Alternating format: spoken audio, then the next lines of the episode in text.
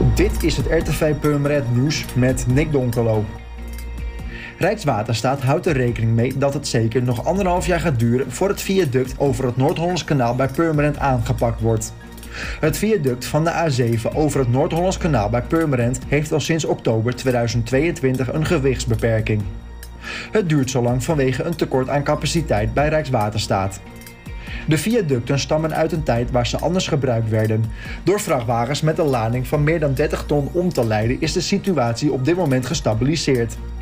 Op dit moment wordt onderzocht of het viaduct in zijn geheel vernieuwd moet worden of dat het tijdelijk af kan door de brug te ondersteunen. Meer dan 100 mensen hebben zich afgelopen weekend ingeschreven voor een tijdelijke woning in Purmerend. Vanaf vrijdag was het voor Purmerenders mogelijk om zich in te schrijven voor een van de 200 woningen. Op 17 oktober stopt de inschrijving, dan worden de woningzoekenden getoetst door de gemeente. Purmerend heeft 200 tijdelijke woningen beschikbaar voor urgent wonenzoekenden. Een derde deel van het aanbod is voor mensen die direct een dak boven hun hoofd nodig hebben, maar niet op de urgentielijst staan. Daar hebben zich in een weekend al meer dan 100 mensen voor ingeschreven. Wanneer de woningen in Purmerend vrijkomen is onzeker, omdat ze nu al bewoond worden. Pas als er mensen verhuizen of de maximale contractduur van twee jaar wordt opgezegd, maken de nieuwe aanmelders een kans.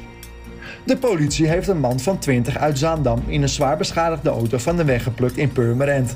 Volgens de politie had de auto niet alleen forse schade, maar wordt er ook in verband gebracht met een treinbotsing in Oosthuizen.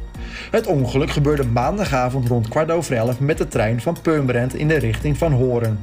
De machinist zag op de overgang nog een auto oversteken en trok meteen aan de noodrem, maar kon een botsing niet vermijden. Hulpdiensten hebben langs het spoor veel auto-onderdelen gevonden, maar de auto zelf was nergens te vinden. De politie heeft de man direct staande gehouden omdat de auto flink beschadigd is en het aan het signalement voldoet die de machinist van de trein had doorgegeven. De man mag thuis het onderzoek afwachten. Voor meer nieuws, kijk of luister natuurlijk naar RTV Purmerend, volg je onze socials of ga je naar onze website, dat is www.rtvpurmerend.nl.